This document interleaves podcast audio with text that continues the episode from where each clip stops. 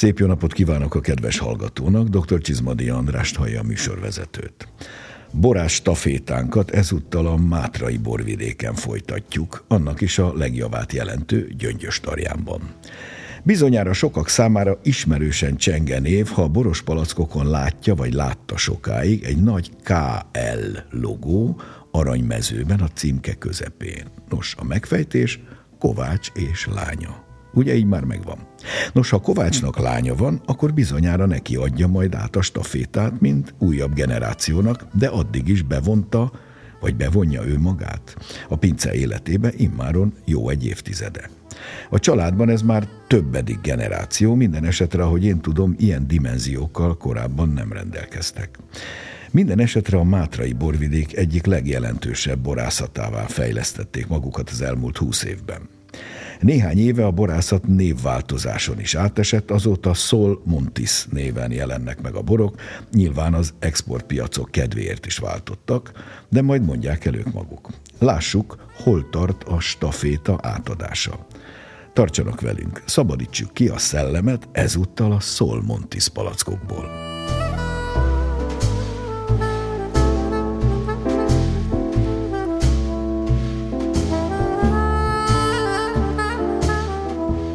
Köszöntöm a stúdióban Kovács Lászlót és Kovács Zitát. Jó napot kívánok! Szép jó napot! Először is, László, a felmenőkről beszéljünk. Hányadik generáció a borászatban? Mekkora volt régen a szőlőterület? Nyilván nem száz hektár vagy a fölötti, mint manapság.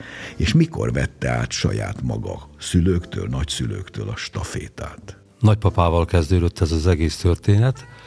Mindkét részről, apai és édesanyai ágon nagyon-nagyon apró gyerekfejjel, 5-6 évesen már gyakorlatilag ismerkednem kellett a szőlővel, hiszen mind a két ágon a szőlő volt az a fő mezőgazdasági növény, ami a nagypapáék előszeretettel műveltek. Mind a két helyen borospincét találtunk, mind a két helyen nagyon kis méreteket öltve. Itt félháztáji apró holdoskákról beszélünk, hagyományos szőlőkről, de emlékezetem Hektáron volt a... nem is nagyon Á, beszélhetünk? Nem, abban az időkben még nem.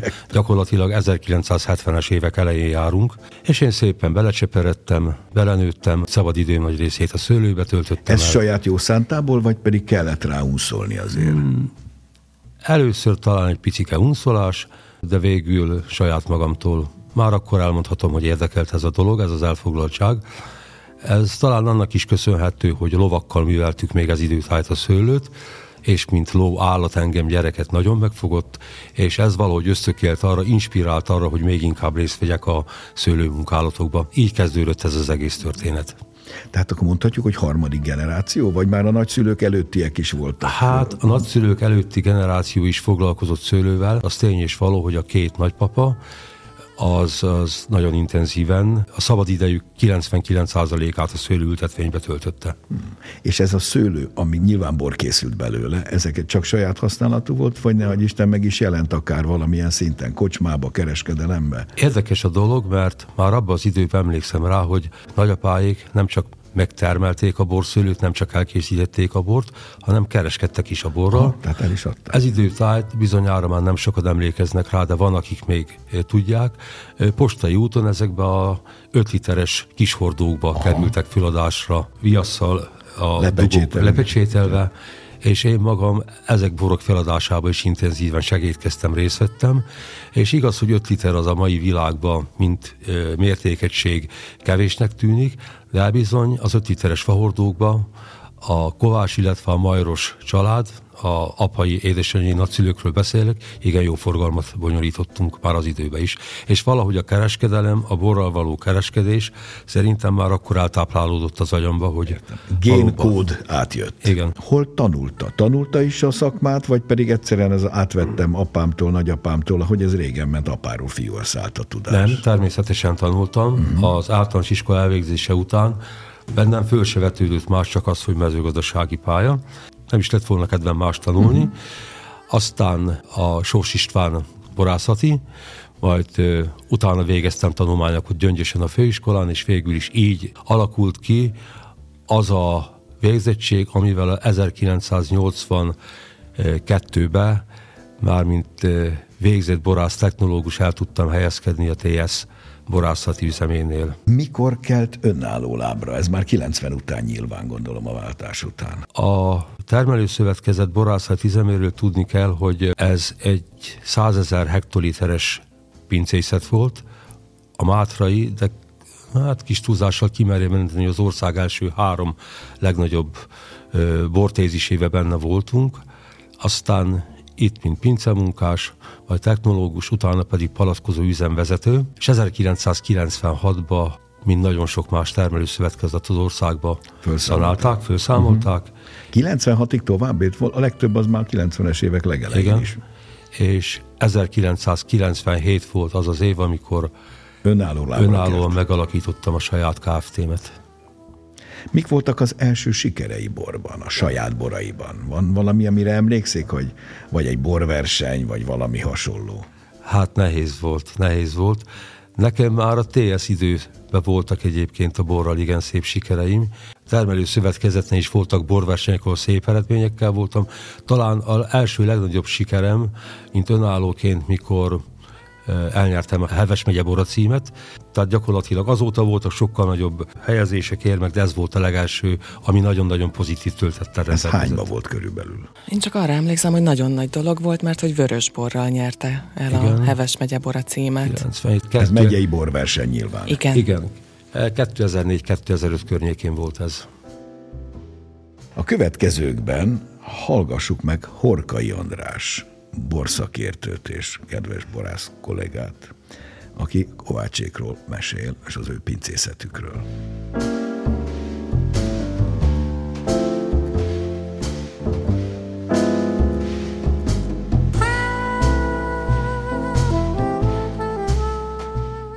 Az Itán keresztül ismertem meg, Kovács Itán keresztül ismertem meg a pincészetet.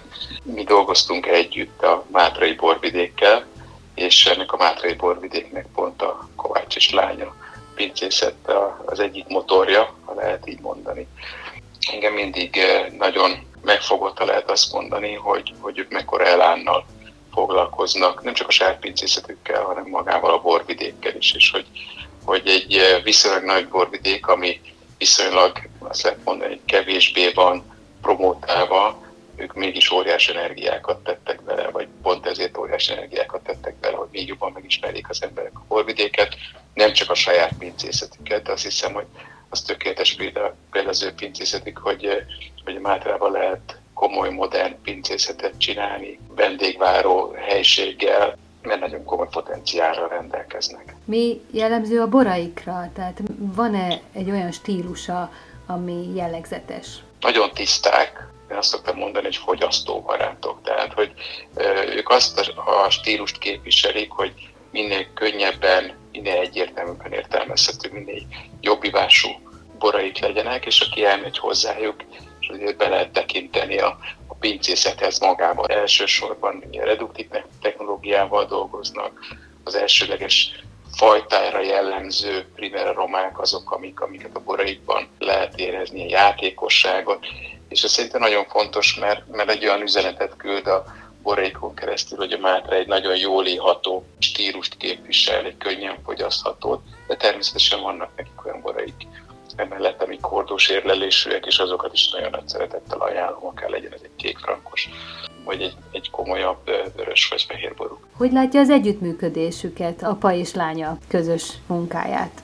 Jó párszor voltam náluk, ez mindig egy ilyen ha lehet ezt a szót mondani, egy ilyen nagyon smooth volt, nagyon folyamatos volt. Tehát apa megjelent, Zitának mondott egy-két mondatot, Zita azt elrakta eh, a megfelelő polcra, hogy, hogy mit jelent ez, és annak szellemében eh, folytatták a munkát. Tehát látszik, hogy itt két erős egyéniség van, és mégis jól tudnak együtt dolgozni, és az azt hiszem, hogy látszik magán a pincészetnek, a, hogy nagyon gördülékenyen dolgoznak. Ez, eh, ez csak úgy tud megvalósulni, hogyha ha két ember kvázi már fél szavakból is érti egymást, és én úgy látom, hogy itt a apa között valami hasonló kémia működik.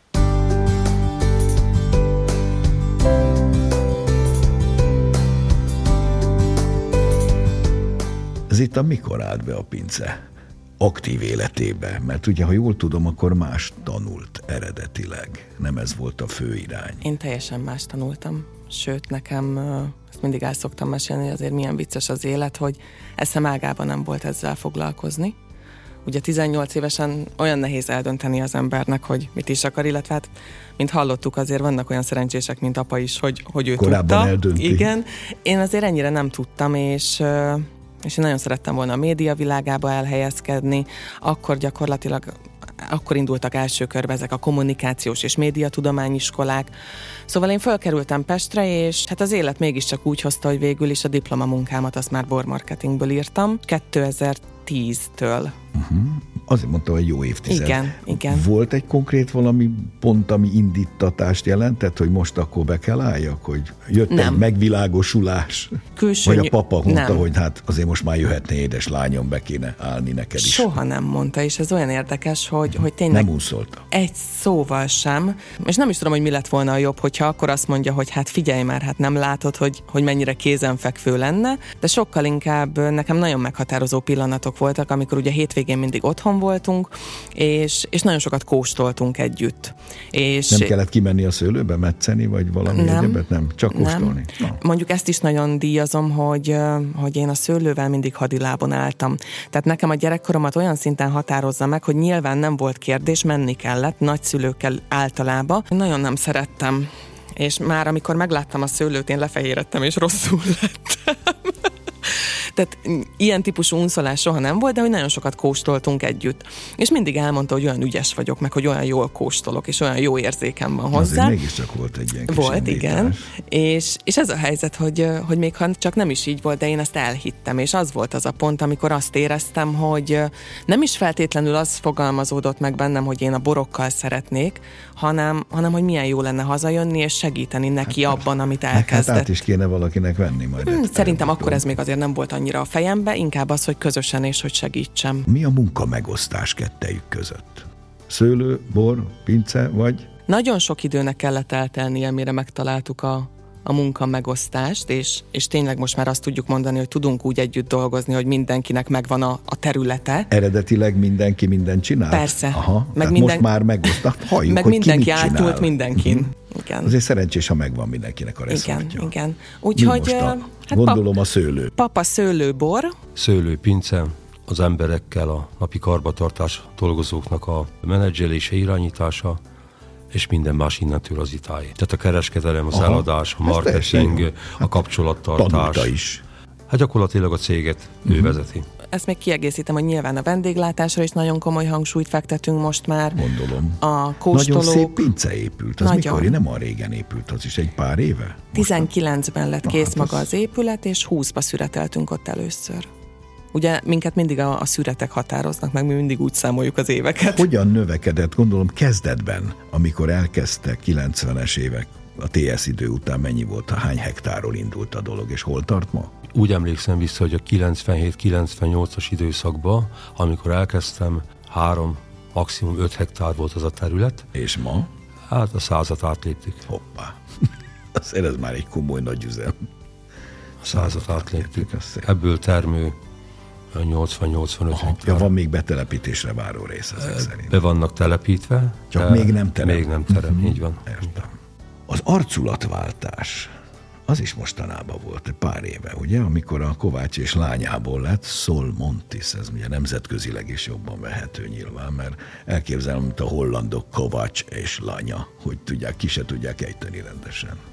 Gyakorlatilag ahogy elkészült az új borászat, és elfoglaltuk 2020-ban, akkor gondoltuk, hogy akkor legyen ez az apropója annak, hogy arculatot váltunk, és igazából tényleg, amit ön is említett, hogy Kovács.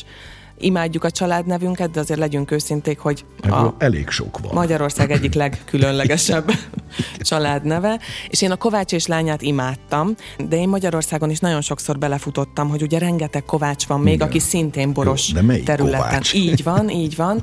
És akkor gondoltuk, hogy akkor most jön el az a pont, hogy akkor mi mindig Kovács és lánya maradunk, de hogy, hogy engedjük el ezt a, ezt a nevet, és keressünk valami sokkal nemzetközibb csengés. És ezt kitalálta ezt a nevet? Ebbe volt segítségünk, egy, egy ügynökségtől kértünk segítséget, és gyakorlatilag a Sol Montis naphegy egyrészt utal a helyre is, aki meglátja a borászatunkat, annak egyértelmű. Végre valami, ami nem angol, hanem latin. Ugye? Univerzális. Igen.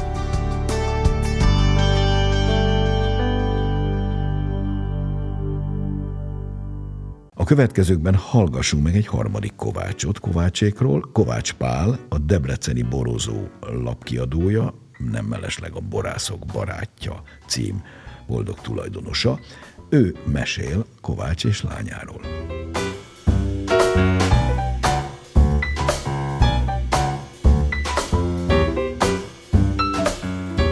Kovács és lánya pincészetet én nagyjából olyan tizen pár évvel ezelőtt ismertem meg. Meg is lepődtem rajta, hogy, hogy valaki ilyen pincenével eh, hogy dolgozik.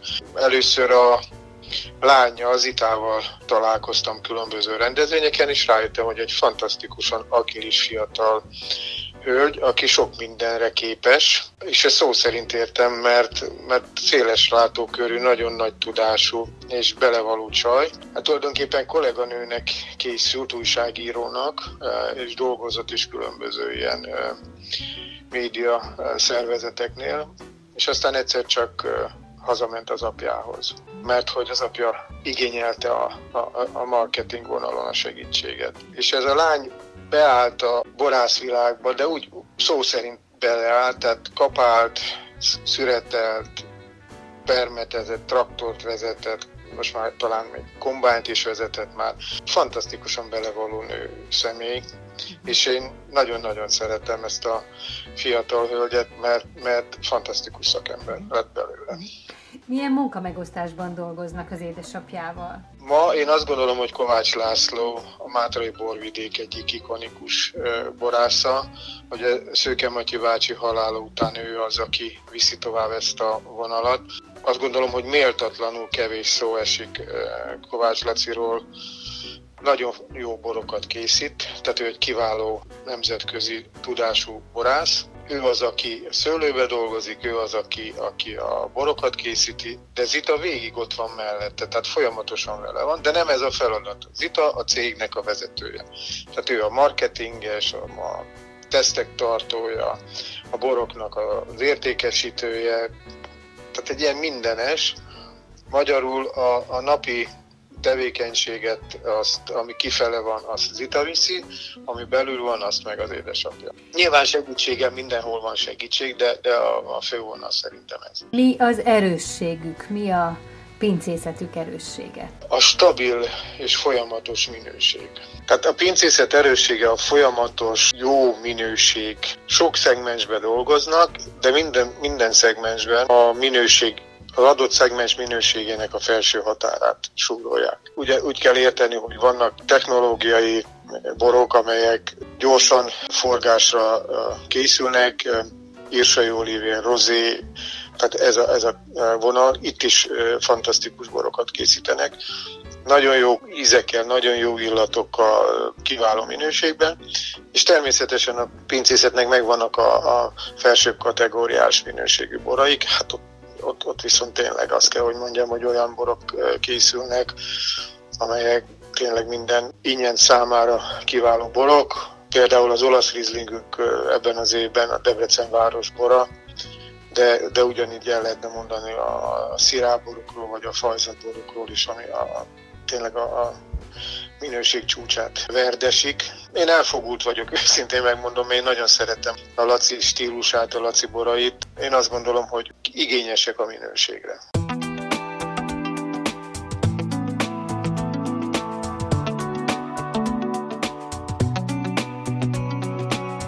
Hogy néz ki most az új pince?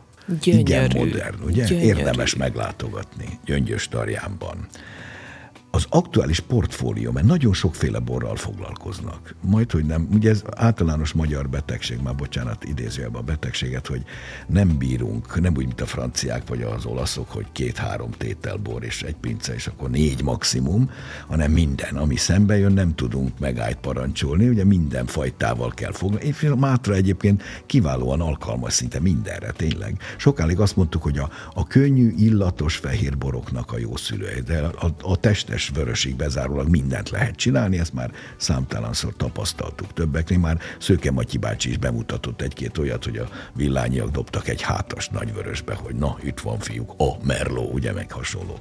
Tehát hogy néz ki a a családi portfólió? Hát ugye nálunk ez mindig nagy veszekedés, mert én valahogy mindig szeretném szűkíteni.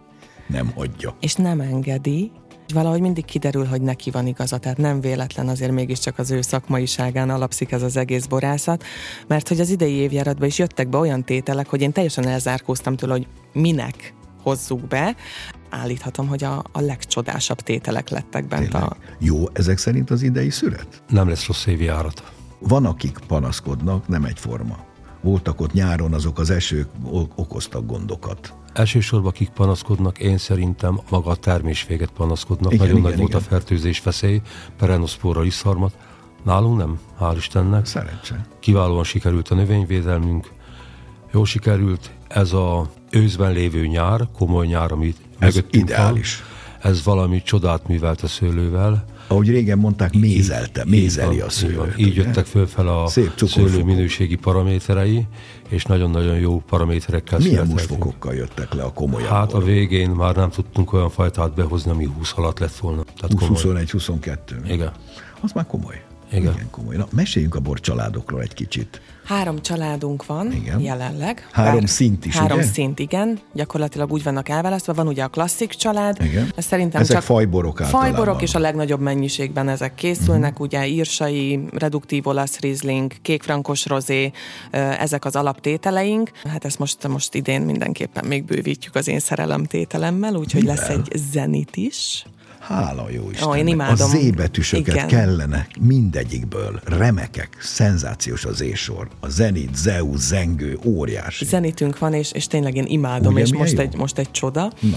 A következő szint az a, az a prémium termékcsaládunk, még ezek is inkább fajtaborok, de ugye vagy azok a fajták, amik kevésbé ismertek. Például most uh, tavaly elkezdtünk a királylánykával dolgozni, és itthon azért uh, van, de nem annyira ismerik a fogyasztók vagy csak a nagyon fanatikusok, vagy olyan fajtákkal dolgozunk itt, ami valamiért picit ilyen negatív jelzővel lett az elmúlt években. Tramini pazar, és gyönyörű illatos fajta, és Igen. szenzációsan Igen. működik a Mátrában Igen. Is. Úgyhogy őket egy fantázia név mögé bújtatjuk Aha. el. Ugye itt van a zita kötő, kis francia, ördögfajzat, ezek a tételek. Nagyon jó. Zita kötő, igen, ez szenzációs. Igen. A harmadik termékcsaládunk gyakorlatilag a, a dűlőválogatás Aha. tételek, és akkor ugye nyilván ők vannak Tehát a piramis legtetején. Uh-huh. Itt kapott helyet már fajta tisztán a vionyé, a fajzatküvénk, a szirá, Igazából én erre azt szoktam mondani, hogy a dűlőválogatás tételek azok, amikben szerintem a legjobban meg tudjuk magunkat mutatni. Küvék, házasítások? Hát ugye a fajzat küvé az, az, az most már küvé. Az, az eleve küvé, és hát igen, nekem ez egy nagy vágyam, hogy, hogy küvésítsünk, mert szerintem csodálatos dolgokat lehetne úgy készíteni. A házasítás egy csodálatos lehetőség, főleg ha sok fajtánk van. Egyrészt egészségesen szűkíteni lehet a portfóliót, nagyon jól kitalálták az egriek az egri csillagot gyakorlatilag majdnem az összes fehérjüket bele tudják rakni, különböző arányban. És micsoda lehetőség a borász kezében, hogy három, négy, akár öt fajtából is játszon. Annyi szint ki lehet keverni. Mennyi az éves produktum palac számban, úgy átlagosan mostanában? 300 ezer palack, és ugye ami nekünk az elmúlt években egy abszolút sikertörténetnek élem meg, vagy éljük meg, hogy bevezettük a, a Beginbox családunkat, mert hogy nekem nagyon nagy álmom volt, hogy, hogy készítsünk egy olyan termékcsaládot a Beginboxra vonatkozóan, ami visszaadja a fogyasztóknak a hitét ezekben a termékekben. Igen, sokan azt hiszik, hogy abban valami vacakság Pontosan. van, pedig Franciaországban zseniálisan Igen. működik, és ugyanolyan jó bor van benne, mint a palackosban. Megcsó, megsporultunk egy csomó üveget. Egyrészt, másrészt igen, tehát hogy ez a környezettudatosság szerintem nagyon sokat számít ezeknél a termékeknél, az árértékarány is nagyon mhm. sokat számít. Sokkal olcsó. És én úgy gondolom, hogy egy olyan dizájnt sikerült megalkotnunk, ami abszolút felkelti a fogyasztók figyelmét, most már nagyon sokan keresik, és egyszerűen azon kaptuk magunkat három év elteltével, hogy majd, hogy nem ugyanannyi beginboxot adunk el, mint palackos bort. Külföldi forgalmazások, mert úgy tudom, hogy elég jó export is van. Merre felé? Mik a célországok? Kik a Solmontis kedvencei? Hát az, hogy elég jó, ezt így nem merném kijelenteni, mert szerintem ez egy olyan, az exportpiac egy nehéz piac, tudom. igen, és, és folyamatosan dolgozni kell, és nyilván nagyon nehéz a jelenlét, de, de összességében, ami nekem nagyon nagy meglepetés volt, és ha már a Zenitről beszéltünk, akkor volt egy borzalmasan nagy exportunk a skótokhoz. Hoppá. Hoppá. Igen, visz, Végre átszoknak a viszkiről. Igen, és hogy kifejezetten zenitet kértek, ami okay. nekem egy ilyen nagyon pozitív visszaigazolás volt. És hát a lengyel piac az, ami még, ami még egy nagyon jó piac. Hagyományos régi piac. Abszolút, Ezeket igen. kéne visszaszerezni. Nem kell van nagyon messze vinni, ha csak a szomszédokba, főleg a lengyelek. Kiváló. Igen. Körülbelül hány százalék? Hát, még azért nem mondom. Azért még 80-20 mindig a, a magyar piac javára. Uh-huh. De azért 20 százalék elmegy. Mm, azért igen, az nem rossz. igen. Ekkora tételből az nem kevés. Megköszönöm Kovács Lászlónak és Kovács Zitának, hogy a stafétát előbb-utóbb átadják, átadódik, és köszönöm, hogy itt voltak. Köszönjük. Köszönjük. Szépen. És most hallgassuk meg, mi újság a barok világában. A híreket Novák Dóra szemlézi.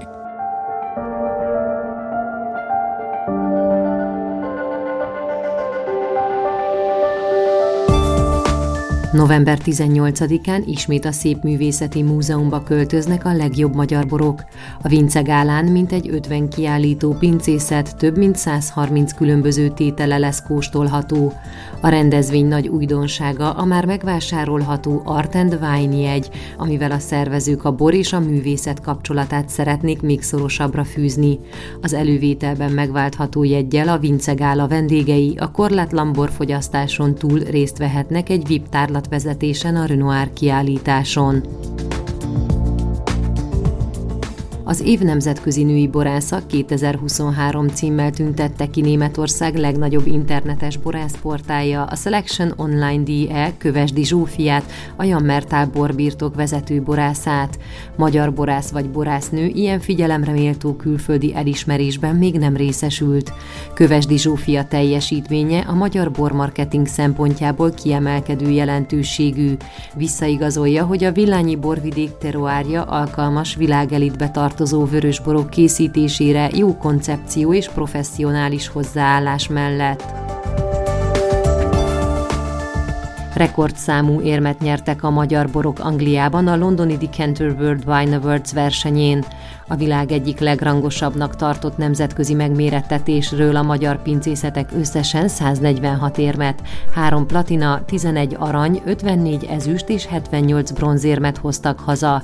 Az összesen 14 platina, illetve aranyéremből 12 a leghíresebb magyar borvidékre, Tokajba került ám az egyik legjobb értékelést mégis egy kevéssé ismert borászat kapta. A Tokaj városában működő Antalúci Pince és Apartman 2019 óta készít borokat, tehát mindjárt az első évjárattal értek el sikert.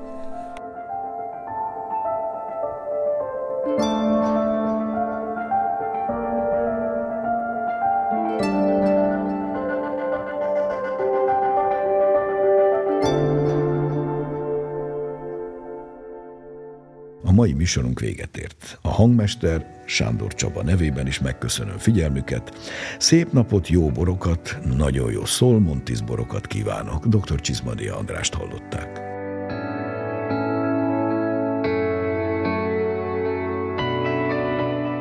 Az elhangzott műsort a Duna Média Szolgáltató Nonprofit ZRT megrendelésére készítette az NTVA 2023-ban.